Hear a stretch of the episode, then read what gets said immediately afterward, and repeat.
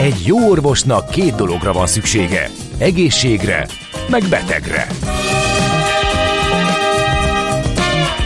Folytatódik a minden hétköznap reggel jelentkező tünet együttes. Villás reggeli, a gazdasági Muppet Show. Mindennapi orvosság sorvadás ellen. Kérdezze meg orvosát, gyógyszerészét. A Millás reggeli főtámogatója a Schiller Flotta Kft. Schiller Flotta is rendtakár. A mobilitási megoldások szakértője a Schiller Autó tagja. Autók szeretettel. A Millás reggeli főtámogatója az üzleti kihívásokra választadó, rugalmas IT és telekommunikációs szolgáltatásosokat nyújtó Magyar Telekom. Jó reggelt kívánunk, kedves hallgatók! Ez a Millás reggeli továbbra is. Itt a Rádió Café 98.0-án, október 3-án, kedden 8 óra 12 perckor megyünk tovább Ács Gáborral. És Gede Balázsra és az üzeneteinkkel, amiket kapunk a 0636 98 0 98 0-ra Hát igen, azt írja a hallgató, jó reggelt, az orpolip olyan bonyolult és komplikált, hogy ne sérüljön végbélen át működik. Ez az előbbi félbemaradt gastroenterológiai témájú beszélgetésünkhöz érkezett, amit majd pótolni fogunk, de szerintem ma reggelre levesszük most már a Le, napirendről. Lehet, hogy elkezdjük túltolni, és ez nem, nem lesz túl ízléses. Azt mondja, hogy a Könyves Kálmán és a Práter sarkán nem működik a lámpa méretes a dugó, ez egy negyed órás információ információ, úgyhogy furcsa lenne, hogyha az megjavult volna ennyi idő alatt. De majd igazoljátok, vagy cáfoljátok ennek a hírnek a valódiságát, esetleg ha arra jártok. Sokkolóak a változások? Vezetőként nem követni, hanem formálni akarod a trendeket? Valódi transformációt szeretnél, és nem káoszt? Mondani könnyű, megcsinálni nehéz. Nézz a mélyére a feladatoknak, és készülj fel a Millás reggeli Epic Stories rovatával. Lássunk egy újabb történetet a viharos vállalati hétköznapokról agilis szemüvegen keresztül. Na hát kérem szépen, ezt megszokhattátok, hogy ha egy epic sztorival foglalkozunk, ott bizony rendre előkerül az agilitás, volt már erről ö, témánk bőven. Most azt fogjuk körbejárni, hogy ez mennyire nem tudom, a skálázhatóság visszafele az micsoda, tehát hogyha egy nagy vállalatnál működik, ez adaptálható vagy működtethető a kisebb vállalatoknál. Erről fogunk beszélgetni Földházi Csabával, a Siva Force tanácsadásért felelős igazgatójával és Torbavec Dórával, a Siva, Siva Force Head of Scrum Masterjével, hogyha bemutathatlak itt. Hát ez sziasztok, jó reggelt! Jó reggelt, sziasztok! sziasztok. A Head of-ok mindig górék, azt tudjuk, de, de a Head of Scrum meg, Masters igen, igen. Az, az, ő ki? Hát ő az, aki a, a Scrum Mastereket így van. Scrum... Ugye, a Scrum Masterek azok ilyen csapatfőnökök, az jól rémlik? Tulajdonképpen igen, ilyen folyamatért felelős ö, csapatvezetők, csapattagok is uh-huh. egyébként, és ö, Scrum Masterekből és agilis kócsokból áll az én kis csapatom, és akkor őket viszem, fejlesztem, és próbáljuk őket a lehető legjobb helyre, akár ügyfelekhez, akár in-house elhelyezni, és csapatokat támogatni rajtuk keresztül. Aha, akkor itt jön a képbe a te ö, szereped, mert ugye pont erről fogunk beszélgetni, hogy ö, a software as a service az így megvan, még nekem is, de az agility as a service az egy picit nekem már egy ilyen, egy ilyen magas iskola, úgyhogy ebbe vezessetek be kérlek. Hogy nekem ez, még magasabb, úgyhogy... Igen. igen, úgyhogy itt valami nagyon, nagyon nagy alapozást kérünk. Sziasztok, jó reggelt! Hát ez, ez egy új gondolat, amivel itt a, a, a környéke, környez, környéken megjelentünk, ugyanis azt látjuk, hogy a, amit mondtál, hogy mi a felskálázódás. Hát mondtam leskálázódás, de az egy kicsit ilyen pejoratív, tehát nem, nem, nem, nem túl szerencsés, de azért azt lehet látni, hogy a, a nagyvállalati környezetben azért elég jó gyakorlatok vannak már is, és látjuk, hogy hogy, hogy működnek azok a rendszerek, azok a, a terminológiák, amik a nagyvállalati agilitásban megjelentek az elmúlt 5-7 évben de most egyre inkább elterjedt ez a, a középvállalatok felé is. Tehát megjelent az igény, hogy, hogy ők is szeretnének ebből valamit profitálni, és szeretnék megnézni, hogy az ő munkájukban hogyan tud az agilitás segíteni. Viszont a dinamikája ilyen szervezetnek azért teljesen más. Aha. Tehát más szervezeti felépítés, más vezetői modellek, más munkatársi elköteleződés van, és erre válaszul gondolkodtunk abban, hogy vajon mi segíthet ebben a, ebben a, ebben a méretben, és az agilitás mint egy, mint egy felhőszolgálatás. Uh-huh. Előfizetek rá, mert azt mondom, hogy nem tudom, hogy pontosan mire van szükségem, az agilitás is ilyen egyébként sok sokszor a szoftverekből se tudjuk, hogy pontosan mire van szükség, de megpróbáljuk valamilyen módon mégis folyamatosan ott maradni, ott támogatni ezt a szervezetet abban, a, abban az útban, ami ahhoz kell, hogy ő elérje ezt az, ezt az agilis paradicsomot, vagyis azok a célok megvalósuljanak, amiket ők kitűztek maguknak. Uh-huh. Ugye az, az agilis működésben ugye pont az a jó, hogy nem ilyen pontszerűen próbál beavatkozni, hanem az egész gondolkodásmód, az egész vállalati kultúra egyként van alárendelve ennek. Ebből kifolyólag akár egész pakkot szolgáltatást is igénybe vehet az a kisebb vállalat, aki szervezetileg ezt nem tudná magának kiépíteni? Igen, ugye azt mondjuk, hogy a mi eszköztárunk elég komplex, így tudunk szolgáltatni kb. bármit, amire az adott mondjuk középvállalatnak szüksége van ahhoz, hogy agilizálódjanak. Tehát nem pontszerűen mondjuk egy-egy Scrum Master-t helyezünk el, hanem akár nyújtunk tréninget, nyújtunk célstruktúrát és egyéb csapattámogatási lehetőségeket. De azt a döntést akkor is meg kell hoznia, hogy ő átáll egy ilyen működésre ezek szerint. Igen, azért ez mindenképpen egy elköteleződés. Egyébként ez korábban már, már megszokott hozódni ez a döntés, tehát tudják, hogy szeretnének valamit, csak még azt nem tudják, hogy hogyan tudják ezt elérni, és az sem biztos, hogy a legjobb szó erre számukra az agilitás. Azt tudják, hogy szeretnének hatékonyabban dolgozni, azt tudják, hogy szeretnék a munkatársi elköteleződést növelni, azt tudják, hogy szeretnének hamarabb a piacon megjelenni egy termékkel vagy egy szolgáltatással, és hogy ehhez mi a legjobb, legcélra vezetőbb út, mi azt mondjuk, hogy az agilis eszközrendszer tud ebben valakit támogatni, segíteni, de egy szervezetben, egy kisebb szervezetben ez általában a menedzsment asztalán landol. Nincsenek erre külön szakértők, CDO-k, vagy egyéb különböző titulusok, akik ezt majd összerakják. De a menedzsmentnek nem minden nap ezzel kell is fekszik. Tehát kell egy olyan támpont, hogy na akkor rakjuk össze ezt az étlapot, és csináljuk meg közösen, érjük el közösen ezt a célt. Valahogy ez a, az a, ez a különleges íz, amit ebben a szolgáltatásban mi keresünk. Hol van az az üzemméret, ahol a, a saját csapatát tudja kiépíteni, vagy a saját agilis gondolkodását egy vállalat, és hol van az, ahol mondjuk ez ilyen felhőszerűen igénybe vehető? Hát alapvetően azt mondjuk, hogy ezzel a felhőszerű szolgáltatással ugye a 100 plusz fős középvállalatokra lövünk, és minden, ami mondjuk már ilyen 800, 1000, stb., arra már inkább egy ilyen nagyobb volumenű agilis transformáció szükséges. Uh-huh. Uh, Bocsánat, mit jelent ez a felhőszerű szolgáltatás? Felszerű szolgáltatás, hogy fix havi díjért vehetsz igénybe kvázi egy étlapot, mint hogyha bemennél a trófeába, ja, és ott válogathatnál különböző felhozatal közül, éppen Aha. amire szükséged van. Ja, értem. Uh-huh. Ez elég fontos, gondolom, ez a fix uh, árazás, ilyen költségtervezés, meg működés szempontjából ez a vállalatoknak egy kiszámíthatóság.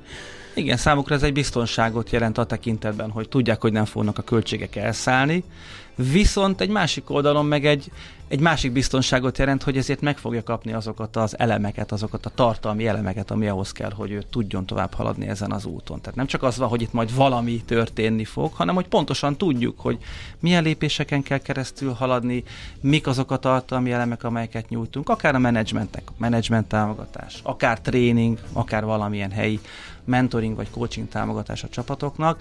Viszont egy dolog nem fix, ez pedig az időtényező. Nem tudjuk, hogy ez az ő ütemükben mennyi idő alatt fog megtörténni. Ugye ez egy hónap alatt, két hónap alatt, vagy három hónap alatt, vagy hat hónap alatt megy végbe. Ugye ez változó a szervezet dinamikájához képest. Tudjuk, hogy végig tudjuk csinálni, azt is tudjuk, hogy milyen elemekből áll a dolog, de azt nem fogjuk tudni pontosan előre megmondani, hogy meddig fog tartani ez az út, hiszen mindenkinek a saját ütemét kell valahogy belátni ez egy ilyen különlegesség, ez amit amikor veszel egy, egy streaming előfizetést, Aha. tudod, hogy szeretnél filmet nézni, és amikor az adott hangulati pillanat elérkezik, akkor, akkor azt akkor lehívod azokat a filmeket. Hogyha mozinál, az a projekt alapú működés, ugye elmész, megnézed a kínálatot, kiválasztod a filmet, megveszed a jegyet, odamész, popcornt vásárolsz, beülsz, megnézed a filmet. Ugye ez egy, ez egy ilyen nagyobb Igen. lélegzetvételű dolog. Mi a, a streaming szolgáltatásnak a, a modelljét követjük. Ha az ideje nem kalkulálható, akkor viszont a teljes költsége sem ennek a dolognak. Ez mennyiben okoz problémát esetleg a szolgáltatás igénybevételénél? Hát ez olyan, mint a streaming, hogy lemondhatod bármikor. Tehát ha azt látod, az hogy... ér, tehát abból az attól ér. még lesznek a használható igen, elemei az igen, addig úton igen, megtett igen. Minden lépésben, igen, minden lépésben van egy... nem vészel? Az nem vészel, azok mindig leszállításra kerülnek, átadásra uh-huh. kerülnek, központi dokumentumtárba jelennek meg, átadjuk hozzá az információkat, megtörténik az oktatás, beépül a napi gyakorlatba, és amikor úgy érezzük, hogy, hogy ott vagyunk, ahol szeretnénk lenni, azt mondjuk, hogy másnaptól köszönjük szépen, ezt nem kérjük. Uh-huh. És ez megtörténhet a harmadik hónapban, a negyedik hónapban. És ugyanúgy fel is lehet venni a fonalat később, hogyha esetleg és mondjuk később, egy olyan periódusba kerül a vállalat, hogy most esetleg a számít a költségstruktúrába ez az összeg is, később meg így jobb van. napok jönnek, így akkor van. lehet folytatni. Akkor lehet folytatni. Ezt az étlapot még nézzük át, mert már belecsíptünk, tehát itt azért lehet azt érzékelni, hogy ez nem az a teljes felhő, hogy benyomom a gombot, oda megyek valahova, és akkor ott nekiállok uh, agilissá válni. Itt azért személyes kapcsolat, személyes részvétel, kócsolás, ilyesmi is van a, a, a dologban. Tehát ez hogy néz ki pontosan a, ez a folyamat? Hát azt mondjuk, hogy célszerű ugye felmérni az adott céget, hogy mire van szüksége, és akkor azt szerint tudunk biztosítani olyan megfelelő kompetenciát, amivel tudunk velük haladni, legyen ez egy tréner, egy agilis coach, egy scrum master, egy vezetői coach, akár egy ilyen éves célstruktúra kirakásához értő kolléga. Mi azon vagyunk, hogy ezeket le tudjuk fedni a, a benti kollégáinkkal. Ez egy, egy több lépéses folyamat, amit a Dóri is elmondott, és a felmérés azért azt még egyszer aláhúznám, hogy nem vaktában lövöldözünk a rendszerben, hanem mindig megnézzük, hogy mi az, az alapállapot, honnan indulunk, és onnan lépünk tovább ezekkel a étlap elemekkel, amit itt, itt hallhatunk. És már azt is együtt. Tehát azért az kevés, hogy a vezető felhív, hogy nekünk csak ez kéne, meg az kéne, nem, nem kell itt ezt nagyon túltolni. Ez gondolom azért praktikus, hogyha együtt végzitek el ezt a felmérést. Persze, alapvetően támogatjuk őket abba, hogy a megfelelő csomagot vegyék igénybe, lehetőleg a megfelelő időtartamig, úgyhogy erre adunk mi is egy javaslatot. Uh-huh. Hogy kell elképzelni egy menedzselt szolgáltatást? Azért, hogy veszel egy, egy felhőszolgáltatást, amögött is van egy menedzsment. Ott mindig figyelünk arra, hogy, hogy éljen a hálózat, legyen egy elérhetőségi pont, legyenek központi dokumentációk, legyen folyamatosan született tartalom. Tehát ez egy menedzselt szolgáltatás, csak a szolgáltatás tartalmi része az, az nem egy az nem egy videostream, hanem folyamatosan nyújtott tréneri, tanácsadói, coaching, mentoring támogatás, ami éppen abban a az életszakaszban, vagy abban a fejlődési lépésben szükséges. Uh-huh. Akkor menjünk tovább az étlapon, ez itt valahol az étvágy gerjesztő, gondolom a következő lépésben meg kell győzni a vezetőséget, ugye, hogy ezek a gondolatok lecsorogjanak a szervezet többi részére, meg az egész vállalathoz eljusson, és így gondolkodjék, így működjön. Igen, az ugye nagyon fontos, hogy akkor leszünk hatékonyak, hogyha a vezetői réteg is mellettünk áll, és, és együtt karöltve tudjuk átvinni ezeket, a, ezeket az újításokat. Tehát azt mondjuk, hogy a menedzsmenttel rakunk ki egy ilyen célstruktúrát, és azt csorgatjuk szépen le a mindennapokba a csapatokhoz, és akár a recepción ülő kolléganőig is mindenkinek tudnia kell, hogy mi az a, a közös vízió, ami mentén tevékenykednek, és ez egy ilyen lépésről lépésre történő folyamat. A célstruktúrát OKR-nek szoktuk általában, hogy az OKR rendszert szoktuk, erről már talán beszéltünk mm. itt egyszer egy korábbi adásban, és ez nagyon jól illeszkedik a, az agilis módszertani elemeknek a bevezetését és a hétköznapi gyakorlásához. Tehát ez a, ez a felvezetés. De mi az az OKR? Még egyszer az? Ez az Objectives and Key Results Aha. eszköztár, ahol meghatározom, hogy mik a szervezet közép- és hosszú távú céljai, de nem csak egy célt tűzök, hogy na, érjünk oda, hanem elmondom, mikor érünk oda. Tehát mi minősül az odaérésnek, ezek a kirizátok, és mindenki pontosan tudja, mit értek ez alatt. És, és egyébként mikor érünk oda, mondjuk egy átlagos közép cégnél? Tényleg kíváncsi vagyok. Tapasztalataink szerint ez egy fél éves folyamat uh-huh. környékén mérhető, tehát kb. 6 hónap az az időszak, ami alatt a szervezeten keresztül tudnak jutni ezek a gyakorlatok, és picit azok az elméletek, amelyeket viszünk, azok a napi gyakorlat részévé válnak. Ugye nem csak minden transformáció annyit él, amennyi utána ott marad belőle, és napi gyakorlat részévé válik. Ezt kb. úgy kell számolni, egy fél éves folyamat két-három hónap alatt felmérésig, illetve menedzsment szintű bevonódásig az ókárig el lehet jutni, és akkor a másik három hónap ahhoz kell, hogy, hogy a szervezet középső rétege is ezt már napi szinten használja de vannak egyébként tovább veszik igénybe a szolgáltatást, és akkor 6 hónap, 9 hónap között már csak időszakosan a, a mentorok visszamennek és nézik, hogy a, a napi gyakorlat úgy zajlik-e, uh-huh. ahogy egyébként azt És akkor ez időszak alatt ki sikerül kiképezni olyan, olyanokat, akik ezt a kontrollt tud, tehát a folyamat kontrollt tudják tartani, és előbb-utóbb ti teljesen leválhattok akár, és akkor önállóan működik a szervezet. Abszolút igen, azon vagyunk, hogy amíg ott vagyunk és intenzíven támogatjuk őket, addig alakuljon ki, hogy ki az, aki majd tovább tudja vinni ezt a támogatást, amikor mi már nem leszünk, mm. és ugye ő nekünk kvázi az ilyen beavatkozási pontunk, néha hozzá is csak elég visszamennünk ahhoz, hogy feltérképezzük a szervezetet, és általa javasolt mondjuk eseményekre, ceremóniákra, meetingekre bemenni, hogy egy picit így korrigáljuk a működést. Mm. Ez egyébként mennyire jellemző ez a ennek a szolgáltatásnak a, a használata, vagy ez egy friss találmány? Hát ez egy vadi új termék, mondhatni formabontó, mert azért általában, ha elmegyünk egy, egy nagyvállalati struktúrába, vagy akár közé, akkor itt kiírnak egy projektet, ugye, hogy akkor keresünk Aha. trénert, keresünk kócsot, keresünk mentort, szeretnénk ezt vagy azt, és akkor ez egy hosszú pályáztatás folyamatán véghez megy, ilyen jellegű szolgáltatással nem nagyon lehet találkozni. Valaki azt mondja, hogy én bevállalom azt, hogy végigviszlek téged az egész úton, bármikor lemondhatod, fix havidíjon csinálom, mindig hozom a, a, az az havi szállítást, menedzselem a teljes termékvonalat.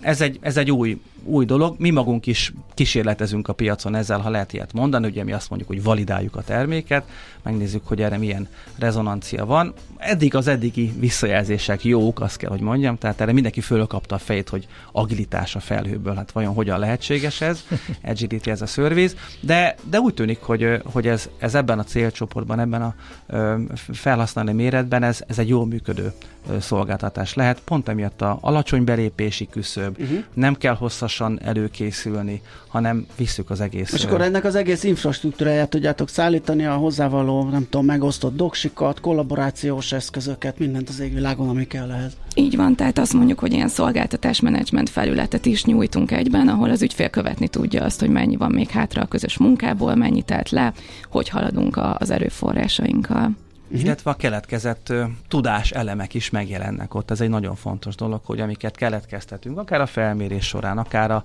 prezentációs anyagok, akár egy új folyamat leírás, akár a, a szervezetnek a saját oktatási anyagai, azok mind-mind-mind folyamatosan Tehát időre, időre hozzá lehet nyúlni, hogyha esetleg szükséges, hogy valami finom hangolás kell a, a működésbe. Vagy Ez egy folyamatosan bővülő, élő Aha. dokumentum, egy élő szervezet, ugye élő szövet a fényvázon, de hogy egy folyamatosan változó dokumentum, és mi azt reméljük, reméljük, az a legjobb reményünk, hogy amikor mi kilépünk ebből a körből, akkor ez tovább él. Tehát azok a, a lerakott Ez lenne egyébként a következő kérdésem, hogy nem fejtettük meg a leskálázódást, hogyan kéne definiálni, de hogy fölfelé itt megnyílik az út? Tehát, hogyha egy szervezet elkezdi, teszem azt ezt a szolgáltatásokat igénybe venni, mert még csak száz főnél tart, de marhára megy a szekér, és előbb-utóbb elérik azt a két-háromszáz fős e, munkavállalói e, közösséget, akkor ők saját magukat ebből már föl tudják építeni egy agilis működésre? valamennyi finom hangolás szerintem biztos, hogy fog kelleni, hogyha Tehát ilyen ütemben. megfelelően. Igen, igen, egy kis támogatás. De akkor is ott vagytok. Így van. Illetve nyilván az alapvető lépéseket meg tudják tenni, és, és biztos lesz olyan, olyan fázis, vagy olyan lépték, ahol, ahol egyszer mennyiségileg nem fogja adott esetben tudni bírni a belső erőforrásokkal. Aha. Most is van olyan szervezet, ahova azért megyünk, mert, mert kell egyszerre 100-150 embernek tréninget, új információt átadni. Hát a, a belső kollégáknak nincs meg az a, az a mennyiségi ideje, ami erre alkalmas, noha a képességük mondjuk lokálisan rendelkezésre állnak. Tehát akkor ilyen mennyiségi támogatásnál is igénybe lehet venni ugyanígy ezt a szolgáltatást, lehívok egy, egy adagot, egy SS vagy egy MS csomagot, és abban levő mennyiség terhére azt a szolgáltatás típust tudjuk nyújtani. A kisebb cégekkel dolgozva mennyire mások a tapasztalataitok? A menedzsmenttel való együttműködésről, az ő kérdéseikről, reakcióikról, problémák kezeléséről még időközben fölmerülnek. Hiszen ez is egy nagy változás, sokszor beszélünk arról, hogy mennyire nehéz a komfortzójánájából kiszökkenteni, legyen az bármelyik poszton lévő munkavállaló, akár vezető, akár máshol ténykedik, azért a, van egy rutin, és ahhoz szeretünk ragaszkodni. Amikor jön az új, akkor mindig jön a vakarózás, hogy jaj, hát ez most jaj. Hát alapvetően azon vagyunk, hogy ugye a vezetői elkötelezettséget így próbáljuk kiépíteni, workshopolni, közösen szemléletet átadni, és amikor ez megvan, akkor hozunk létre eredményterméket, és csorgatjuk le a csapatokhoz. Uh-huh. A, igen, és, és, és ugye ebben a vezetői elköteleződésben azért vannak hát színek így a skálán, tehát elég, elég széles a, a paletta. Azt kell látni, hogy egy közepesebb szervezetben ott azért minden a, a vezetői attitűdtől, vagy nagy mértékben függ. Tehát ha ott megvan a, az elköteleződés, akkor könnyű haladási irányunk van, ha, ha csak azt felé van meg az, hogy csináljunk valamit, de, de, de én ne kelljek hozzá, ugye ez, ez ilyen, ilyennel is találkozom. Nehezebb. Úgy azért nehezebb, hogy, hogy, hogy csináljátok, de, de nélkülünk, és, és, és ez, ez, ez szokott igazából az akadálya lenni, hogy, hogy egy szervezeti átalakulást, vagy a legkisebb változást a, a teljes vezetői támaszték nélkül nagyon nehezen lehet megvalósítani. Úgyhogy kis szervezetekben, vagy közepes szervezetben ennek igen nagy súlya van ennek a fajta elköteleződésnek. Nagyobb méretű szervezetekben általában megvan a felsvezető elköteleződés, ott a középvezetői réteg az, aki hasonló attitűddel képes támogatni vagy akadályozni ezt a, ezt a, ezt a, ezt a beavatkozást, de egy, egy kisebb cégnél tényleg a C szintnél uh-huh. kezdődik, és nagyjából ott végződik is ez, a, ez a fajta ö, súly ebben a történetben. Még az érdekelne így a végén, hogy mondjuk a ti szervezetetekben így, hogy van ez az új irány, úgymond, vagy új termék, új csapás iránynak nevezhetjük. Ez jelentett módosulás? Egy külön csapat foglalkozik ezzel, vagy, vagy hogy, hogy építették föl, te, te, ti föl a ti szervezeteteket talán, ehhez kapcsolódóan. Talán azt mondhatjuk, hogy egy üzletág dolgozik rajta, hogyha fogalmazhatok így, amiben megvan minden kompetencia ennek a leszállításához. Nyilván olyan kollégákkal dolgozunk együtt, akik rutinosak, szeniorok vagy erős mediorok, és, és tudják adni azt a támogatást, ami háttértámogatásunkkal együtt az adott szervezetnek, uh-huh. ami szükséges. És hát nyilván ki kellett választanunk hozzá arcokat, akik mondjuk a szerviz menedzsmentet képviselik, Dóra viszi nálunk. Ez nem volt korábban, ugye nem létezett ilyen uh-huh. termék, tehát nem volt hozzá ilyen, ilyen pozíció, úgyhogy volt ilyen jellegű minimális ö, szervezeti tagozódás, vagy, vagy finomítás, de az alapvető erőforrásokra tudunk támaszkodni, akik egyébként is rendelkezésre álltak a szervezetben, csak eddig úgy tekintettük, mint egy pontszerű mm. beavatkozásra képes mechanizmus, hogy tudunk tartani egy jó tréninget, vagy tudunk csinálni egy jó OKR-t. Most azt mondjuk, hogy bármely ponton be tudunk avatkozni olyan mértékben és olyan időtartamig, amíg erre szükség van. Ugyanezekkel a, az alapvető erőforrásokkal egy sokkal ö, átmenetesebb és egy sokkal tartósabb együttműködést tudunk kialakítani. Oké, okay, hát ennek a fő üzenete az lett, ugye, hogy, hogy ne, ne gondoljuk, gondolják a kisebb cégek, hogy ez ami úri huncutság és a nagyvállalatoknak a, a, a, az eszköze, hanem ezt igénybe vehetik akkor már kisebb szervezetek is ezen a felhő megoldáson keresztül, ezt a, ez az agility, ez a service ö, képpen, úgyhogy hát izgalmas mindenképpen, mi sok sikert kívánunk. Nagyon szépen köszönjük, mi is kifejezetten izgulunk. És hát igen, értem, egy-két év múlva a tapasztalatokra mindenképp térünk vissza, kíváncsiak bizony, vagyunk. Igen. Bizony, nem gyötörjük tovább Dórát se, nagyon hősiesen állta a sarat ezzel a torokkal, egy hallgató is írta, hogy egy mézes teát adjunk neki, hát sajnos nincs kézlén, de javasoljuk, úgyhogy köszi szépen, hogy ellátogattatok hozzánk. Uh, Torvalds Dóra, a Shiva Force Head of Scrum Masterje volt a vendégünk, és Földházi Csaba, a Shiva Force tanácsadásért felelős igazgatója. Szép napot nektek! Köszönjük szépen! Köszönjük! Epic Stories. Történetek a viharos vállalati hétköznapokról agilis szemüvegen keresztül. A Millás reggeli céltudatos és bátor vezetőknek szóló rovata hangzott el. Jé, hát ez meg micsoda? Csak nem. De, egy aranyköpés. Napi bölcsesség a Millás reggeliben. Hm, ezt elteszem magamnak. Hát a szokásainkat fölrugva, ma reggel Karikó Katalintól választottam két idézetet. Hát az egyik már sokszor elhangzott, de olyan személyes és annyira szívhez szóló, hogy ezt így nem tudtam ki, de másik azért inkább a szakmáról szól. Melyiket szeretnéd? Elmondom az első. Azt mondta, egykoron beszélgetett anyukájával, hogy anyukám egykor minden októberben hallgatta a rádióban, hogy kikap Nobel-díjat, és mindig mondta, Katikám, lehet, hogy te leszel az. Mire én, anyuka, még egy ösztöndíjat se tudtam kapni, nem hogy Nobel-díjat. Azóta sem gondolok ilyesmire, számomra az a fontos, hogy minél hamarabb, minél több ember megkapja a vakcinát, és megvédje őket a vírusfertőzéstől. Mondta ezt még a Covid időszakban, ez egy 2000 2021-es HVG-s interjúból származó idézet. A másik, eh, az hát most nem tudom melyik ez egy külföldi labból, viszont eh, erről is beszélt. Előre nézünk, mert a tudománynak soha nem szabad visszanéznie. Ritkán látunk olyan tanulmányokat, amelyek a múltban már elért célokról beszélnek. A múlt az múlt. Én magam is hozzászoktam ahhoz, hogy azon gondolkodjak, mit tehetek meg, vagy mit tehetek még, nem pedig arra, amit elértem. És ezt továbbra is így gondolja. A tegnapi nyilatkozatokban is egyébként, eh, amit adott a Nobel-díj bejelentéséhez kapcsolódóan, és eh, erre utalt eh, több hirtelen adott interjújában is. Tehát Kizártnak tartom, hogy valaki nem hallotta, de ugye az apropója az, hogy most nem egy valamilyen születésnaposunk, vagy valaki ilyesmitől idézünk aranyköpést, hogy Karikó Katalin megkapta a orvosi Nobel-díjat Drew Weissmannal együttesen, és hát ezért választottunk most tőle egy idézetet, illetve kettőt. Innen oda ennyiért, onnan ide annyiért, majd innen oda ezt és vissza azt emennyiért. Közben bemegyünk oda azokért, és átvisszük amoda amannyiért. Mindezt logikusan, hatékonyan. Érted? Ha nem, segítünk! Észjáték! A Millás reggeli logisztikai rovata következik. A rovat támogatója a Rail Cargo Hungária ZRT. Minőség, megbízhatóság, biztonság a vasútlogisztikában.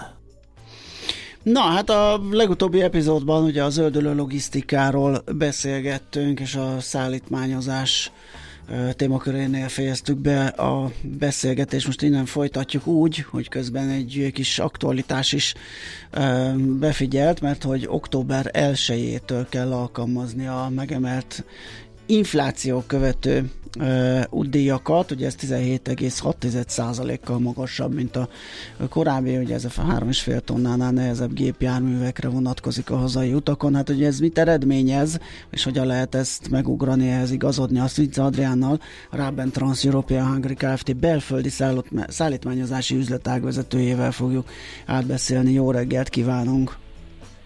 Jó reggelt, szervusztok, üdvözlök minden kedves hallgatót! Na, hát ez uh, szép emelés, 17,6% mennyiben építhető be ez a fuvardiakba, hogy lehet ez igazodni, milyen megoldásai vannak a szállítmányozási szakmának erre? Uh, azt tudni kell, hogy a tavalyi évhez hasonlóan az idei évben is rendkívüli időpontban történik az emelés, mivel általánosan már megszokhattuk az elmúlt években, hogy inkább elején, tehát januártól alkalmazva a, a, az eszközt hogy mennyire nem könnyű ez alkalmazkodni, ez jól mutatja, hogy ugye az egyes szakmai érdekszervezetek, például a Közúti Fuvarozók Egyesülete kérte, javasolta azt, hogy ezt a úgymond infláció követő díjemelést függesztük fel. Ugye mi azt látjuk, hogy ez versenyhátrányt tud okozni azoknak a kis és középvállalkozóknak, akik exportra termelnek, tehát amíg elérik a határt, addig ugye magasabb útdíjat fognak fizetni, illetve ez meg fog jelenni szinte bizonyosan az import és a belföldi termékek áraiban, és a kiskereskedelmi áraknak az emelkedéséhez fog vezetni várhatóan. Aha, mit tudnak -e ebben a helyzetben tenni a, a vállalkozások? Hát általánosan az eddigi évek tapasztalatai alapján mondhatom, hogy minden ilyen hatósági díj emelés vagy bevezetés az nem áll meg a logisztikai leellátási láncnak egy-egy szintjén, tehát ugye végig megy, ez a drága kenyér effektus. Uh, és mindeközben egyébként a, a piacnak egy másik kihívással is uh, szembe kell néznie, uh, hiszen a, az infláció miatt uh, már látható egyfajta fogyasztás csökkenés, amit már a tavalyi évvégi Hogyne. volumenek is elesztek, és az idei évi volumenek is azért azt gondolom, hogy uh, jóformán kevés olyan szektor van, ahol uh, épp növekszik a a szállítandó mennyiség, inkább volumencsökkenésről beszélünk át. Hogy említetted a furcsa bevezetését az emelésnek október 1-től, az lehet, hogy mondjuk akik hosszabb szerződéssel dolgoznak, mondjuk évvégéig tartóval ilyesmivel, azoknak be kell nyelniük ezt a három hónapot, és akkor ezek a módosult árak majd jövő januártól jelentkeznek? Hát ez minden partner kapcsolatnak a magáé, vagy maga, de, magának De lehetnek ilyenek, nyilván egyedi szerződések vannak, persze gondolom. Valahol igen, persze láttunk már olyat, hogy nem sikerül ö, ö, ezt letárgyalni, és akkor az várhatóan a következő évi indexációban Aha. jelenik meg. Ez a visszaesés, amit említettél egyébként minden szektorra jellemző? Tehát így átfogóan tényleg azt lehet mondani, hogy a kiskereskedelem, vagy vannak jobban és rosszabbul teljesítő ágazatok? Gyakorlatilag amit látunk, az az, hogy a biztos vagyok benne, hogy az építőanyagokban illetve az ehhez kapcsoló házhozszállításban jelentős volumen visszaesést látunk az idei évben. Általánosan a gyorsan forgó, de nem élelmiszer termékekben is látunk egy jelentős visszaesést. Viszont, ami jó hír, ebben a környezetben is a gyorsan forgó élelmiszereknek a piaca tudott bővülni, ahogyan azt mi látjuk azért itt van egy kisebb növekedés, vannak olyan partnerek, akik meghaladják az, az idei évi vártakat is, vannak, akik mondjuk azt, hogy szerényebb számot mutatnak, de mindenképpen bővül ez a, ez a piac. Uh-huh.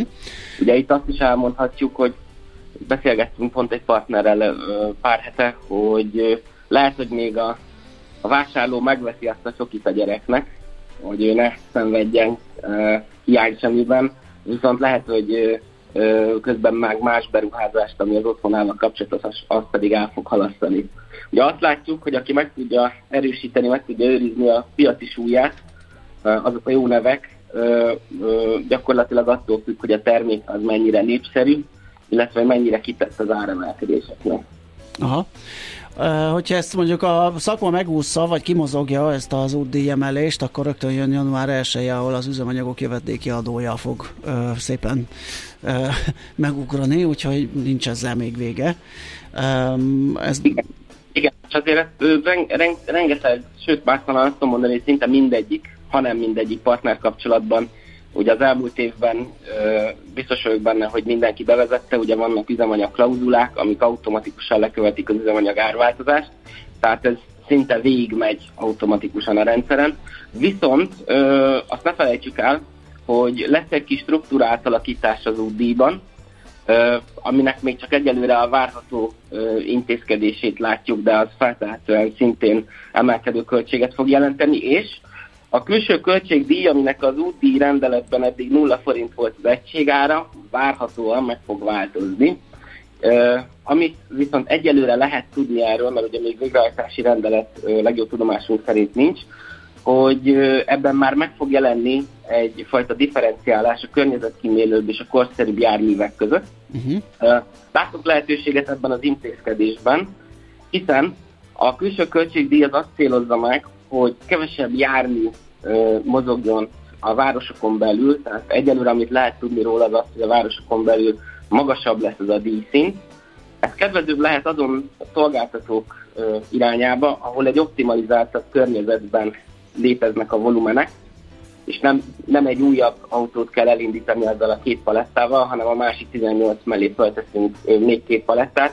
Biztos vagyok benne, hogy a logisztikai szolgáltatóknak az árképzésében sokkal kedvezőbben fog megjelenni ez a díj, mint a, az egyes ilyen single uh, fuvarosok uh, körében.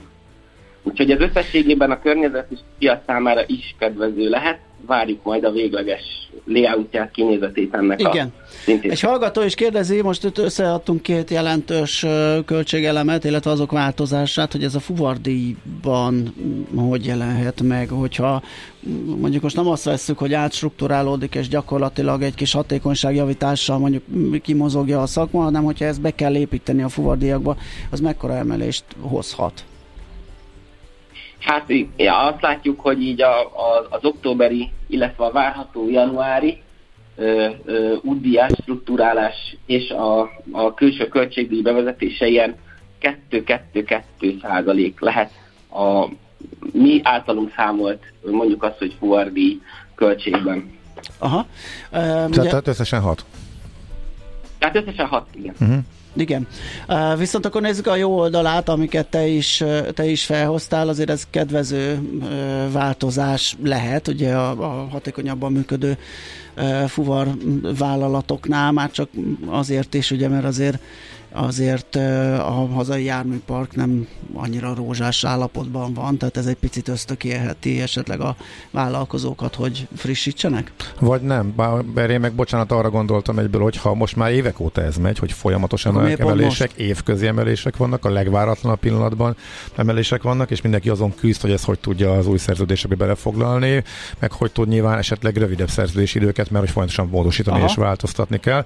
Hát ez mondjuk nem a, kiszámít, a kiszámítatlan bizonytalanság az nem a beruházásoknak az ideje, amikor az ember hónapokra sem tud előre tervezni. Na szóval az optimista verzió, amit Balázs mond, vagy inkább az van, amire én gondoltam? Gyakorlatilag azért azt látni kell, hogy kiindulva a mi tapasztalatainkból kell segíteni a fuvaros szakmát abban, hogy korszerűbb járművekhez jussanak. Ugye itt jön képbe az, hogy van egy adott nagy logisztikai szolgáltató, ami tőkeerős, és nem csak Magyarországon, hanem ugye Európa szerte üzemel.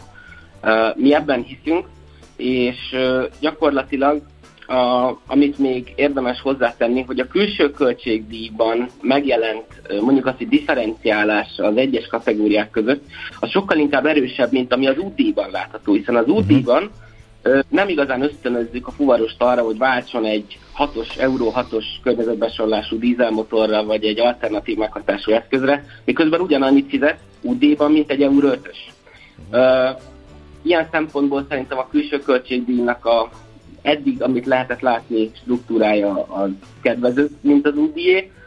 Véleményem szerint szerint az UDI-nak a struktúráját is valamilyen irányba kellene már akár rövid távon, de hosszú távon mindenképpen gyakorlatilag elmozdítani, és ösztönözni kellene a szakmát arra, hogy korszerűbb eszközökbe ruházzanak be, hiszen az onnantól kezdve már csak egy költségszámítás lesz, hogy mennyi idő alatt térül meg. És gyakorlatilag nemrég ugye társadalmi egyeztetésen átesett ez a jogszabály, külső költségdíj tervezete várhatóan ezt a változást fogja okozni, és én azt gondolom, hogy ha a, a rendeletalkotónak a, a célját elérjük, akkor valóban a városban kevesebb lesz a kibocsátó, a károsanyag kibocsátó. Uh-huh. Mi a helyzet az ügyfelekkel? Ugye ez a kép, amit most itt felvázoltunk, ez elő, erősen ilyen túlélős üzemmódot feltételez, azért most jönnek a terhek rendesen. Mit, hogy lehet így új ügyfeleket szerezni, hogy lehet versenyelőnyre szert tenni? Mi az, ami versenyelőnyt biztosíthat most egy fuvarozónak?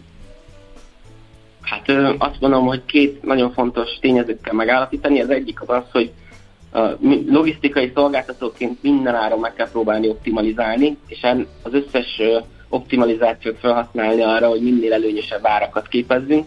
Tehát ez az egyik alap.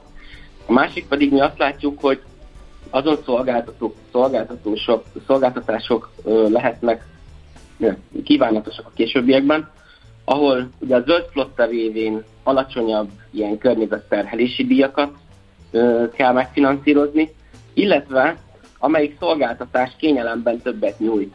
Ugye itt a nagyon fontos érték minden egyes ügyfel, ügyfelünk vagy ügyfel számára az maga az információ. Úgyhogy egyfajta versenyelő lehet, hogyha a logisztikai szolgáltató pontos szállítási információt tud biztosítani, nem csak feltétlen közvetlen a megbízónak, hanem akár a címzet számára is. Azt ö, azt látom, hogy a legjobb kérdés az, amit fel sem kell tennie a ügyfelünk ügyfelének, uh-huh. és gyakorlatilag a, a vevő, a logisztikai szolgáltató vevője a fő tevékenységre tud fókuszálni, ahelyett, hogy gyakorlatilag postás De már ez is, ez is megvan, nem? Ez a fajta nyomkövetés. Persze. Ez azt gondolom, hogy egy kis csomagos ö, ö, szolgáltatásban ez már egy rutin, ez egy standard. Aha. Kapjuk az SMS, az e-mail, Igen. látjuk, hogy mi a képbesítési időpont, felhív minket a futár. Azonban hozzá kell tenni, hogy a, a raklapos szállítmányozás esetében ez már nem ennyire ö, egyértelmű. Nagyon kevés olyan logisztikai szolgáltató létezik, aki napközben automatikus rendszernek köszönhetően egyrészt meg tudja mutatni azt, hogy várhatóan mondjuk ezt a 20 egy órát mikor fog megérkezni, és ezt még megfejeli azt, hogy ö, egy e-mail is érkezik a címzet számára erről az információról. Ö, ezt nagyon kevesen tudják, és azért azt, azt gondolom, hogy jó lenne, hogyha ez már egy ilyen piaci standardá ö, alakulna ki, hiszen ö, nem csak a kis csomagos címzet az, aki szeretné tudni, mikor érkezik meg a terméke, a, aki nagy, nagy árukat vár, akár több raklapot is. Ugye az, a kihívás ebben az, hogy még egy kis csomagosnál a, jól kiszámíthatók többnyire a címek, illetve a haladási sebesség és az, hogy milyen, milyen idősávokat tudunk belülni arra, hogy két cím között mennyi idő telik el. Azért a nagy raklapos logisztikában ott van az a kihívás, hogy a disztribúció történik 40 tonnás ösztömeggel, 18-assal, 12-essel, 3 is felessel, különböző gyorsaságok vannak az áruátétel, néha tételes, néha nem tételes, Persze, néha segíteni. Hmm. Pont ha, a, azt gondolom, hogy azért ez egy jelentősebb kihívás, mint egy Világos. Oké, okay, hát nagyon köszönjük. jó rálátást kaptunk itt a helyzetre, meg a várhatóra, ugye itt a áremelések miatt. Köszönjük még egyszer, jó munkát és szép napot kívánunk. Én is szép napot kívánok mindenkinek, köszönöm szépen.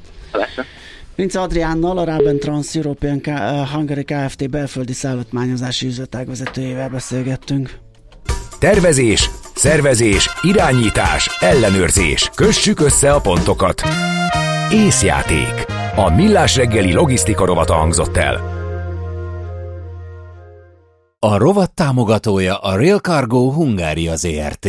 Minőség, megbízhatóság, biztonság a vasútlogisztikában.